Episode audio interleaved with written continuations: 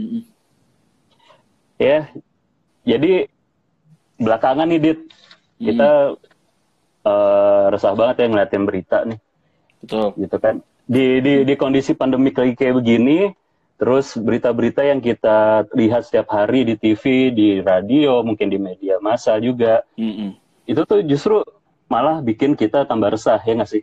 Iya benar, benar sih. Eh, Apalagi pemberitaannya itu gencar banget gitu.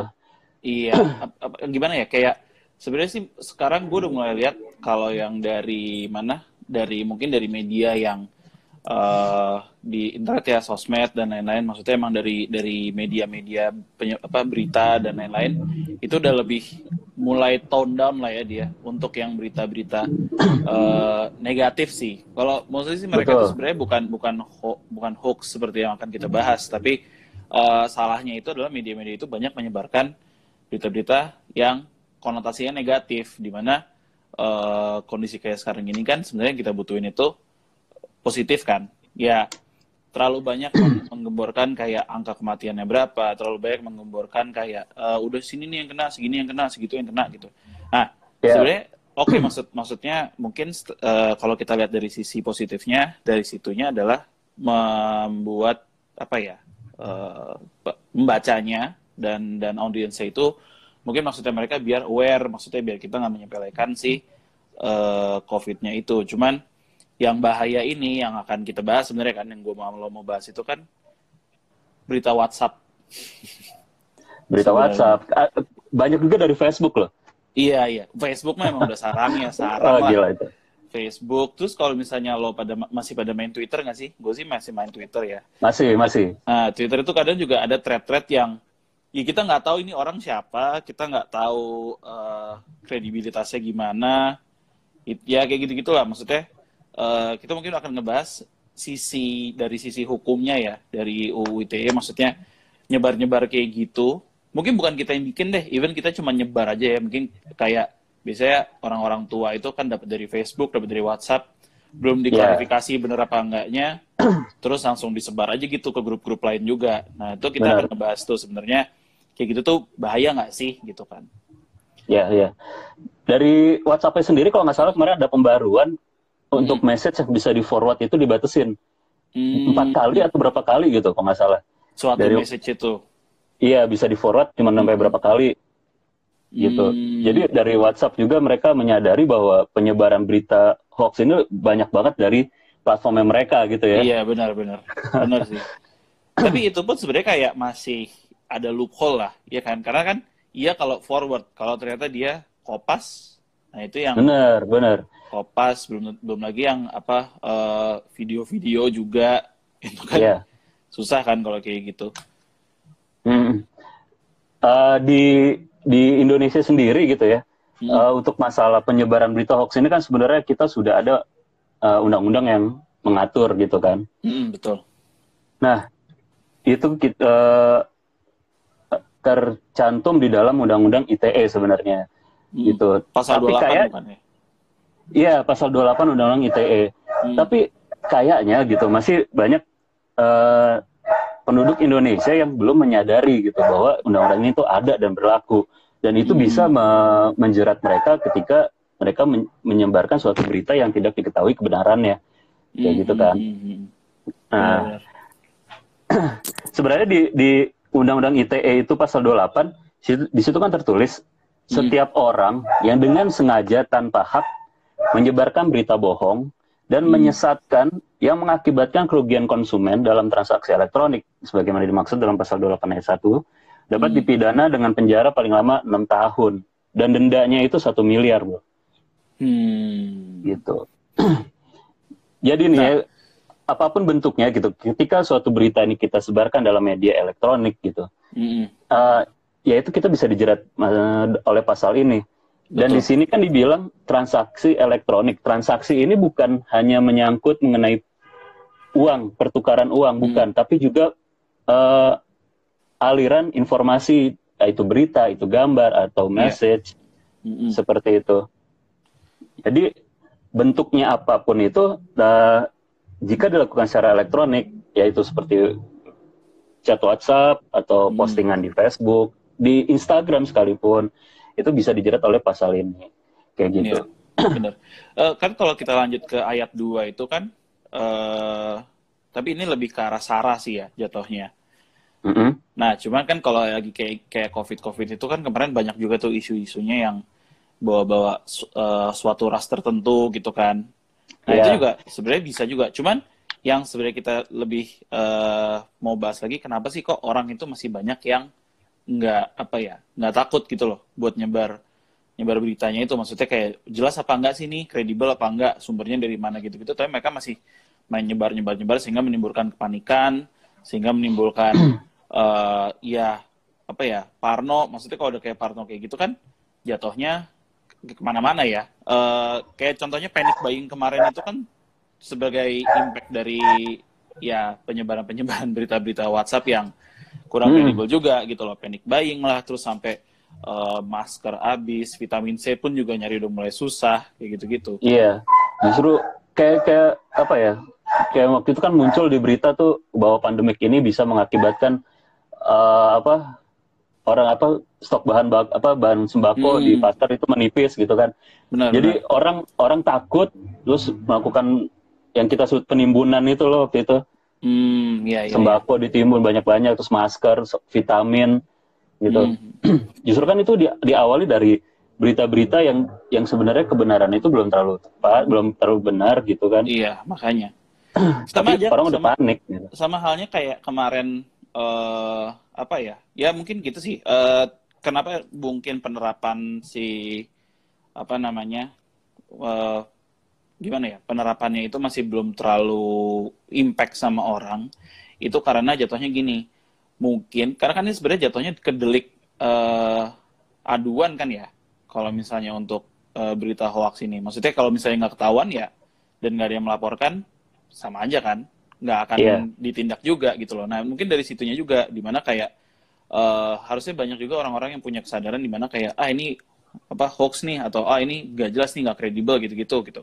Mm. Nah sehingga aparat pemerintah pun juga memantaunya sulit. Walaupun kan sebenarnya uh, sekarang ada tuh kan yang kalau nggak salah gue, gue belum pernah coba lihat sih tapi yang buat ngecek apa namanya ngecek itu hoax apa enggak pernah tahu nggak sih lo websitenya?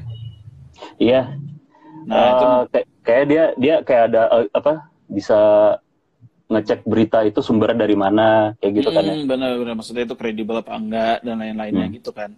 Nah, uh, mungkin yang gimana ya kita ngebahasnya itu bahayanya sih. Bahayanya itu mungkin bukan cuma dari segi pidana doang. Emang iya itu itu maksudnya concern pertama lah. Tadi kan udah jelas uh, apa namanya berapa tahun tadi enam tahun kan dendanya eh yeah. pidananya dan lain-lain gitu. Cuma maksudnya kalau untuk dalam masa COVID kayak gini, uh, yang perlu kita tekanin itu kan gimana caranya kita itu saat, saat, satu sama lain saling membantu gitu loh. Maksudnya kalau emang nggak bisa memberikan suatu bantuan berupa material kayak mungkin sembako dan lain-lain ke orang yang membutuhkan, mungkin bisa uh, nyetop di kitanya masalah berita hoax itu. Ya. Yeah. Uh, di mana kayak gak cuman hoax juga sih bener apa enggak tuh maksudnya bukan cuman bukan cuman itu juga. Kadang ada beritanya jadi macam-macam sih bentuknya. Ada berita yang itu sebenarnya benar, maksudnya diambil dari emang sumber yang kredibel, namun sama si satu orang ini di kasih bumbu-bumbu gitu ya? Iyalah, digoreng lah kasarannya ngerti kan. Maksudnya jadi kasih bumbu-bumbu di mana kayak itu jatuhnya memprovokasi. Nah itu pun juga uh, gimana ya jatuhnya bisa dihitung hoax juga karena opini itu kalau opini menggiring itu yang membahayakan juga jatuhnya. Oke. Iya benar. Nih, ini seperti ada yang komen nih dari itsme.yy. Hmm. Uh, dia bilang gini, bukan nggak takut, hmm. tapi kadang si penerima WA nggak paham bahwa itu hoax. Nah ini so di forward nih. untuk bantu penyebaran info. Nah, nah menurut ini, lo gimana, bro? Ini benar juga. Maksudnya uh, mungkin bagi yang seumuran kita ya, uh, kita udah tahu lah mana yang kira-kira hawa-hawanya hoax atau hawa-hawanya ah, ini bohong nih, ah, ini cuma kompor doang nih kan, mungkin mau nyerang suatu kubu lah atau gimana gitu. Cuman ya. yang yang perlu jadi concern itu biasanya justru malah orang-orang tua. Maksudnya orang tua kita kan aksesnya ke media-media sosial kan mungkin nggak selancar kita nggak akses kan. Jadi mungkin untuk ngecek dan lain-lain eh, nggak se-fleksibel kita. Ketika kita terima berita kita kan langsung ngecek dulu di Google bener nggak nih? Maksudnya beritanya bener apa enggak gitu. Nah eh, itu sih. Cuma maksudnya di- dari situ di mana eh, mungkin kita bisa ngebantunya dengan kita mengedukasi juga. Maksudnya Ya. Ngedukasi si siapa namanya si orang tua kita. Gue gue kemarin juga per- eh, kayak gitu sama nyokap gue. Ketika nyokap gue terima berita kan nyokap gue nanya kan ini bener nggak sih beritanya kayak gini gini gini gini? Gitu. Gue ngebantu dengan eh mah kalau misalnya kayak gitu-gitu cek aja dulu. Mungkin ngecek di di internet langsung di search aja keywordnya kayak gimana caranya. Atau even eh, sam- sampai titik di mana kayak mama kalau mau percaya silahkan tapi jangan disebar. Karena dari WhatsApp itu gue langsung ngomong bahwa dari WhatsApp itu eh, sangat-sangat berbahaya untuk nyebar suatu ini ya suatu berita apalagi kalau ngasih linknya juga link-linknya ternyata link blog juga bukan link dari media yang emang kredibel banyaknya kayak Betul. gitu kan Ya jadi gini kalau kalau kata gue sebaiknya kalau misal kita nggak tahu gitu berita ini baik atau eh, benar atau enggak Mm-mm. kita proaktif untuk nyari tahu. Tapi kalau misalnya kita eh, kayak males untuk nyari tahu ya sebaiknya stop, jangan disebarin. iya betul Ya udah dikip aja. dikip aja Daripada Mau- iya daripada disebarin terus akhirnya ternyata itu berita nggak benar dan Mm-mm. ya imbasnya ntar ke diri lu, ke diri orang lain juga kan gitu. Iya makanya. Apalagi ya, eh, ini paling paling banyak tuh sekarang sebenarnya masa-masa ini sih, Eh, masa-masa di mana COVID itu kan sebenarnya suatu area sensitif lah ya. It's, kamera gue agak berbet. Iya bro. Bentar, bentar, bentar. Waduh, HP gue. gue lo lo coba isi dulu ya, gue lift dulu, ntar gue join lagi. Oke.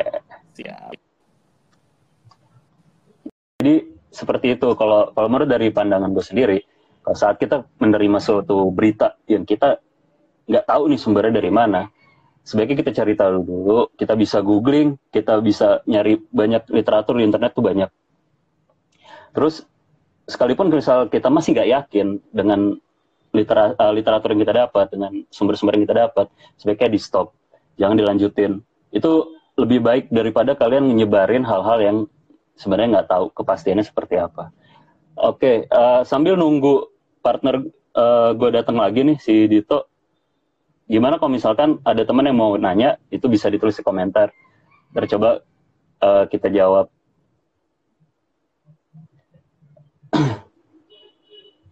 Sambil eh, apa ya? Kalau ada hal-hal yang ingin ditanyakan atau ingin disampaikan, monggo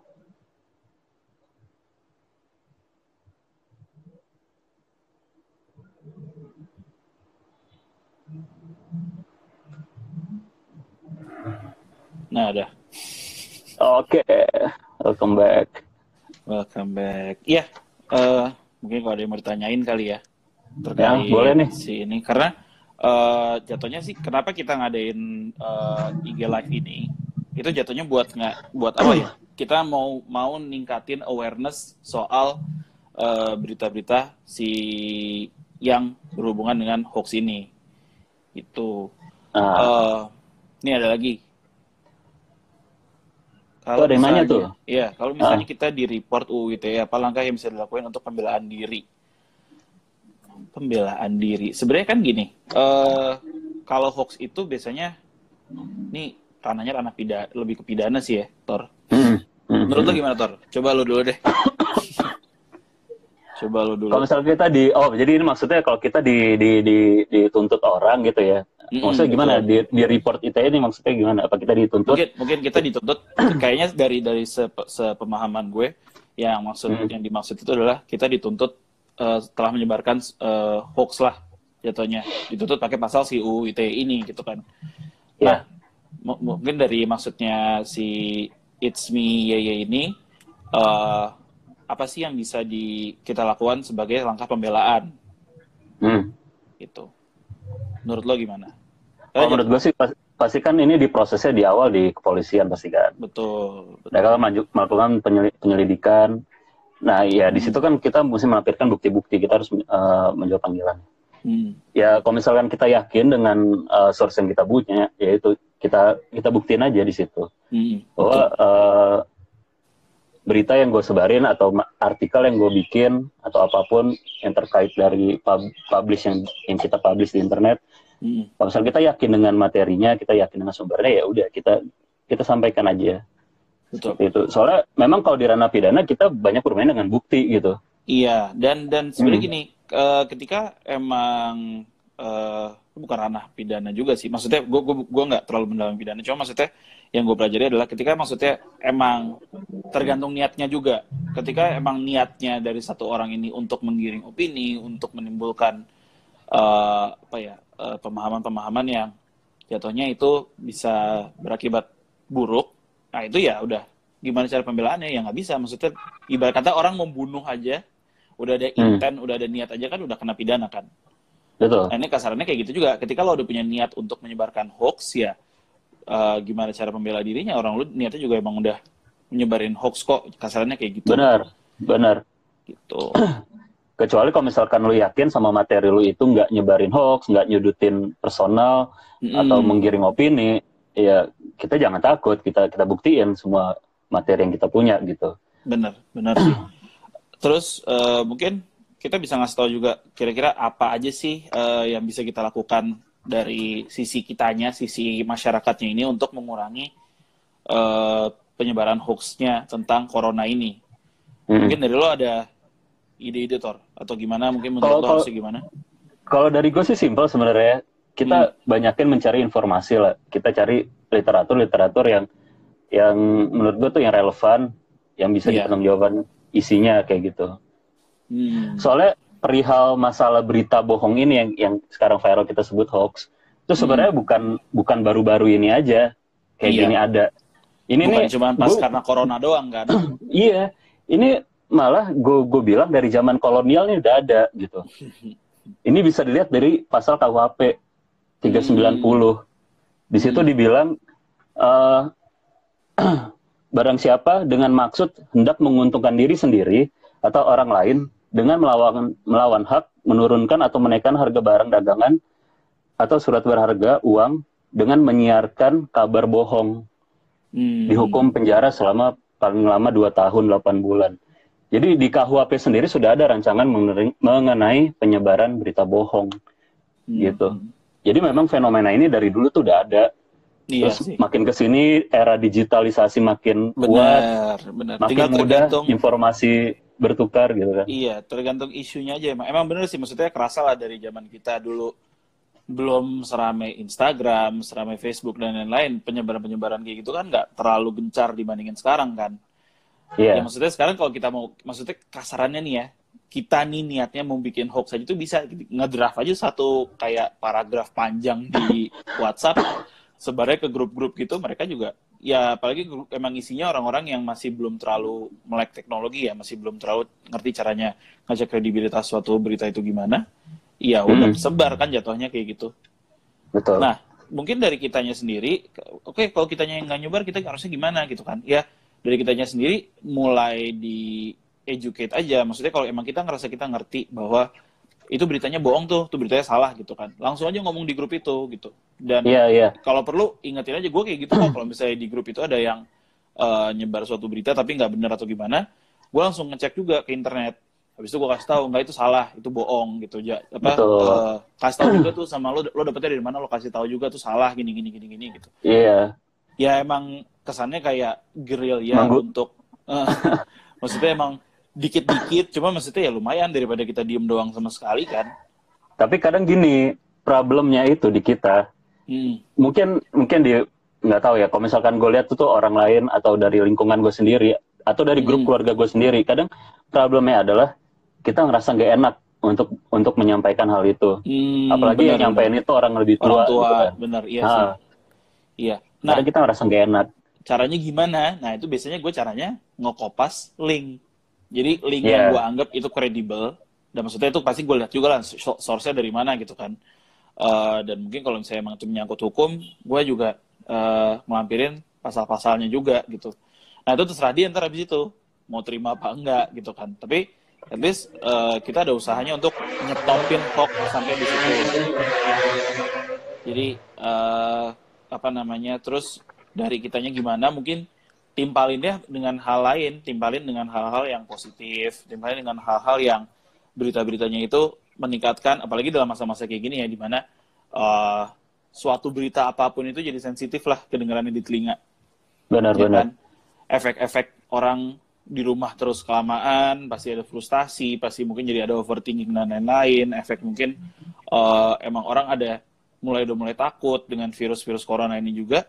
Uh, mungkin kita bisa nge-counter dengan apa berita-berita yang positif. Mungkin kayak kemarin gue udah mulai notice di line itu headline beritanya udah mulai nampilin positif-positif. Kayak contohnya, oke okay, dia tetap ngasih angka di mana positif corona itu udah hampir 5000 tapi di sisinya lain lagi dia nyantumin yang sembuh udah berapa ratus gitu. Nah itu kan kayak gitu-gitu ningkatin apa ya moral masyarakat lah kayak oh iya masih ada yang bisa sembuh kok masih ada yang bisa sembuh kok gitu cuman ya tergantung juga masyarakat itu gimana diedukasinya jangan ngerasa kayak ah itu kan masih bisa sembuh nggak bakal mati. Enggak gitu. Terus habis itu tetap ngelayap keluar tetap nongkrong itu kan salah gitu yeah. gitu.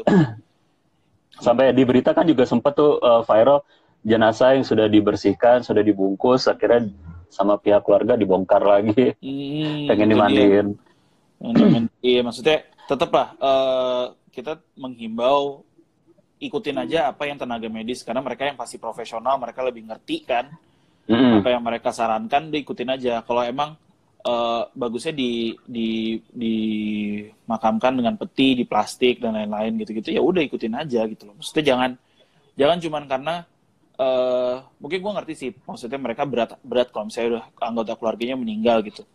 Cuman di sisi lain kalau yang kayak uh, apa namanya keluar rumah kan sekarang keluar rumah kalau pakai mobil juga harus duduknya depan belakang gitu kan Iya, nggak boleh berdampingan di depan gitu ya. Iya, terus ntar ada yang ngerasa kayak, ah nggak mau, emang gue supir duduk depan aja gitu-gitu. Ya udah, itu rutin aja. Maksudnya namanya juga preventif gitu. Mm-hmm. Ada lagi yang kayak nggak nggak mau salaman atau misalnya nggak mau pakai masker. Ada juga tuh berita kemarin uh, orang disuruh pakai masker malah marah. Lah yang kayak gitu gitulah. Maksudnya ya tolong jangan egois. Tolong uh, maksudnya yeah. Setiap hal yang kita lakukan, maksudnya kita pakai masker, kita nggak keluar rumah kalau nggak kepaksa, kita cuci tangan, jaga kebersihan, itu impactnya bukan ke kita doang, itu impactnya ke orang lain juga gitu loh. Benar sekecil apa pun hal yang kita bikin itu berdampak pada lingkungan dan Betul. orang lain. Maksudnya untuk sekarang ini ya yang paling bisa laku, kita lakukan itu ya bersatu. Maksudnya mungkin kedengarannya kayak klise, ah lah puitis banget tuh gitu-gitu. Cuma maksudnya emang bener kalau misalnya kesian kan orang yang emang udah mereka stay at home udah hampir sampai empat minggu, mereka benar-benar nahan diri untuk nggak keluar, mereka benar-benar menjaga ya elah begini lagi. ya udahlah, gue coba cabut lagi, gue in, ini lagi ya. Oke. Bentar, Oke, bagi teman-teman yang masih nonton, kalau ada pertanyaan boleh di, disampaikan di sini. Nanti kita coba bahas.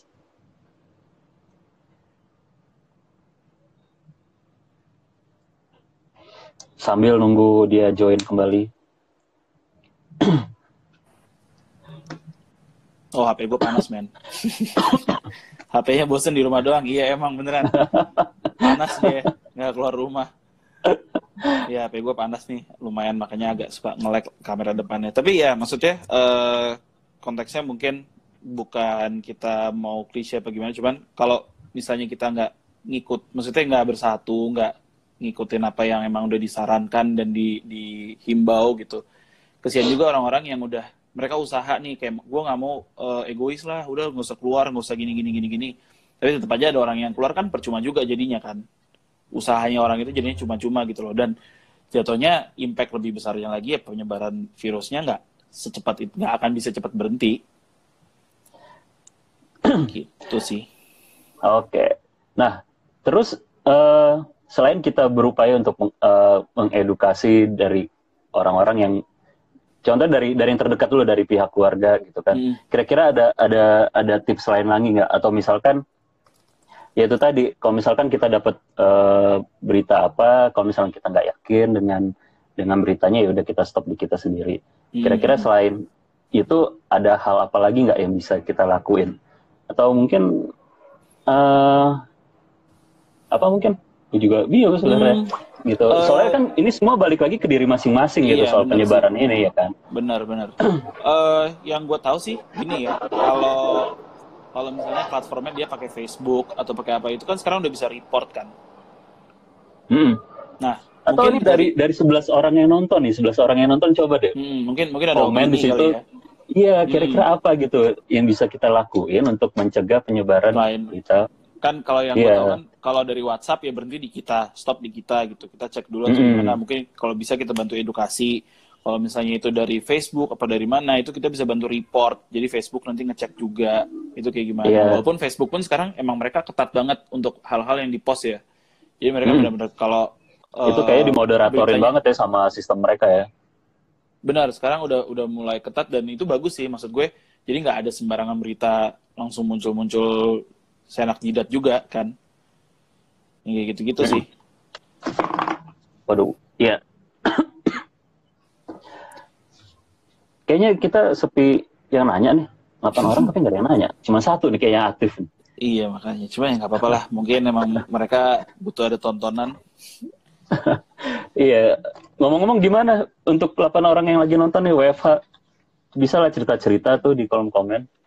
Hmm. Atau mungkin ada ide mau nambah apa dan lain-lain. Nah, apa tuh? Gimana kalau pakai COVID-19 buat Aji mumpung jualan kak kayak jamu tolak COVID? Padahal belum tentu ampuh. ampuh. Itu termasuk hoax nggak? Eh, nah itu dia. Oke. Ini ini ini ini kaitannya sama eh, kita daftarin mereknya dia ya. Hmm, Bisa kita daftarin merek, apakah merek ini bisa kita daftarin atau enggak? Kan kayak gitu ya. Iya, iya. Ka- kaitannya sebenarnya gini sih. Em, tergantung pen- penamaan si jamunya aja. Maksudnya kalau eh, karena emang sebenarnya gue ngeliat juga, maksudnya ada beberapa teman gue yang dia jualan jamu tapi dia nggak ngomong tolak corona atau kayak buat anti corona atau apa gitu. Karena itu Hmm. misleading dan misleading itu ya kembali lagi eh, termasuk hal yang tidak diperbolehkan gitu loh. Kan mungkin bukan ke UU ITE ya. Jatuhnya kalau kayak gitu lebih ke menguntungkan sendiri tadi bisa kembali ke kayak, kayak si KUHP. Pasal KUHP kan tadi dia lebih menekankan dengan menyebarkan berita bohong, which is itu bohong dan itu untuk meningkatkan keuntungan dia sendiri. Nah, itu yang bah yang yang di situ malah bisa KUHP gitu. Maksudnya itu nipunya eh emang udah jatuhnya ke penipuan, bukan hoax lagi. Nah, kalau eh, untuk kayak gitu ya termasuk penipuan jatuhnya bukan hoax lagi terus eh, apa ya kalau misalnya emang buat aji mumpung jualan sih sebenarnya nggak ada salah-salahnya sah-sah aja maksudnya eh, kalau emang jualan jamu untuk meningkatkan daya tahan tubuh untuk meningkatkan Ya. eh, imunitas dan lain-lain itu nggak masalah cuman kan ya Kar- mereka karena nggak tujuannya tuh karena imunitas kita membaik, kita Emang, lebih sehat, emang. kita bisa lebih ren- Heeh. lebih kuat menghadapi COVID gitu ya. Iya nggak nggak ada salahnya lah usaha. Nggak ada Maksudnya salahnya, o- iya. Orang pun juga minum vitamin C, minum jamu, minum apa itu kan dalam rangka kayak ya udah gue pokoknya sebisa mungkin gue usaha buat eh, biar nggak sakit, ningkatin daya tahan tubuh dan lain-lain itu sebenarnya nggak masalah juga. Terus gue lihat lagi ada orang-orang dia ngejualan hand sanitizer atau mungkin masker. Nah Mm-mm. kembali lagi kayak gitu salah nggak sih itu kan aji mumpung juga enggak menurut gua kalau misalnya dia jualan masker karena kan sekarang eh, dari pergub psbb itu kan sekarang kita keluar rumah pun dan instruksi presiden kita keluar rumah pun Wajib pakai harus- masker. betul walaupun yang diutamakan itu pakai masker kain karena yang masker N95 ya Iya. Nah, itu kan dikhususkan untuk tenaga medis kan. Nah, banyak orang-orang teman-teman gue pun juga pada jual masker kain itu harganya amat sangat-sangat terjangkau. Maksudnya akses, maksudnya mereka jualan itu mempermudah akses kita juga untuk dapat hal-hal yang kita butuhin. Hand sanitizer pun dijual dengan harga normal, bukan yang kayak sebelum-sebelumnya kan harga gila-gilaan tuh yang di Iya. markupnya sampai ya dulu kita nggak nggak nggak sama antis sekarang kita nyariin antis harganya bisa sebotol mungkin ya bergocap kali apa gimana perlu baru kecil Betul. itu sih Memang selain dari peran pemerintah untuk menge- mengendalikan harga pasar, Mm-mm. itu peran dari kita sebagai penjual juga dibutuhkan ya. dibutuhkan Kita, Eh, karena kan walaupun pres- eh, pemerintah udah nentuin harga sekian gitu, tapi kadang kan suka masih ada aja yang nakal gitu ya, iya dijual dengan harga yang lebih tinggi. benar Eh, jatuh jadi jatuhnya di sini itu peran eh, pengusaha-pengusaha kecil yang maksudnya dia jat- jatuhnya apa ya memberikan lahan untuk kita dapat akses barang itu malah Hmm. menurut gue salah satu apa ya tujuan yang baik sih tujuan yang patut dihargai juga gitu loh tambah lagi kadang ada beberapa pengusaha, pengusaha kecil yang dia bilang eh, hasil penjualan itu nanti buat disumbangin untuk bikin APD mungkin eh, untuk sembako ke yang eh, masyarakat membutuhkan kayak gitu gitu kan eh ya ketika kita mampu masih masih diberikan kemampuan masih diberikan ak- apa jalan dan akses untuk bisa ngebantu ya kenapa enggak ya kan Ya. Hmm. gitu oke Oke. Mungkin- Sebelum kita akhiri, jadi Mhm. kita coba wrap up lagi eh, hal-hal yang sudah. Oh, ada yang mau nanya itu. ada nanya Rizky Al Kautsar Oke, Bang Rizky, ayo mau nanya apa Bang? nanya apa bang sebelum kita tutup lagi lo gila Sebelum kita tutup nih, tutup dia nanya Iya, nanya, nanya. iya nanya ha-ha. nanya lagi kalau nanya lagi gue tutup nih udah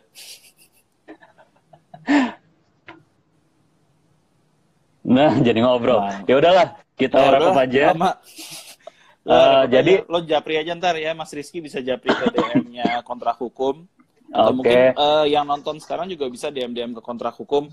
Mungkin mereka eh, ada ada saran kayak bawa topik ini dong bawa topik apa gitu. Kayak tadi gue lihat ada yang pengen dibawain topiknya hak cipta dan lain-lain tuh boleh juga tuh nanti di next sesi bisa Betul. eh, apa namanya kita bawain juga. Atau kalau misalnya mau iseng-iseng mungkin bagi yang punya Spotify atau Apple Music bisa dengerin podcast kita juga ya kan? Ada yang dibawa Nah, podcast itu eh, topiknya macam-macam ada juga kita nama podcastnya apa. Bro? Nama podcastnya. Kepoin Hukum. Nanti search aja Kepoin Hukum. Ada juga di feed kita kayak kemarin sama tim marketingnya sempat di post eh, linknya deh. Mungkin cek aja di situ. Eh, bisa ngecek-cek juga yang podcast-podcast zaman dulu juga. Kita banyak banyak banget ngebahas tentang badan usaha tentang kontrak dan lain-lain. Mungkin ya kalau lagi gabut lagi nggak ada kerjaan WFA kan bisa lah sambil nyore-nyore kayak gini dengerin podcast juga Betul. Nah, terus kalau misalkan eh, teman-teman yang butuh informasi lebih lanjut mengenai eh, layanan kontrak hukum, itu bisa masuk ke website kita di kontrakhukum.com. betul Mm-mm. Nah, lalu eh, di sana nanti bisa subscribe untuk dapetin info-info terbaru mengenai ya kita ini sering bikin artikel-artikel gitu ya. Jadi, Mm-mm, betul. Artikel, terus ada juga eh kadang ada video-video juga. Nah, itu nanti mungkin bisa cek-cek juga di situ juga. ya konten yang kita bikin ini untuk membera untuk eh, apa ya kita kita sedang menggalakkan untuk menyebarkan berita-berita yang valid untuk Hmm. artikel-artikel yang yang valid gitu kan. Iya, betul. Eh, apa ya jatuhnya biar kita emang tujuannya itu membuat masyarakat lebih melek hukum lagi. Eh, biar biar nggak apa ya misleading lah banyak berita-berita misleading apalagi masa-masa kayak gini kan. Eh, Iya. Enaknya kalau kita punya sumber-sumber yang kredibel gitu. Betul betul. Oke, sampai Kita- ketemu lagi di konten konten berikutnya. Oke, Kita- thank you semua yang sudah hadir. Thank you. Halo Sobat KH, terus kepoin kita di podcast Kepoin Hukum ya. Cek Instagram Kontrak Hukum untuk info selengkapnya.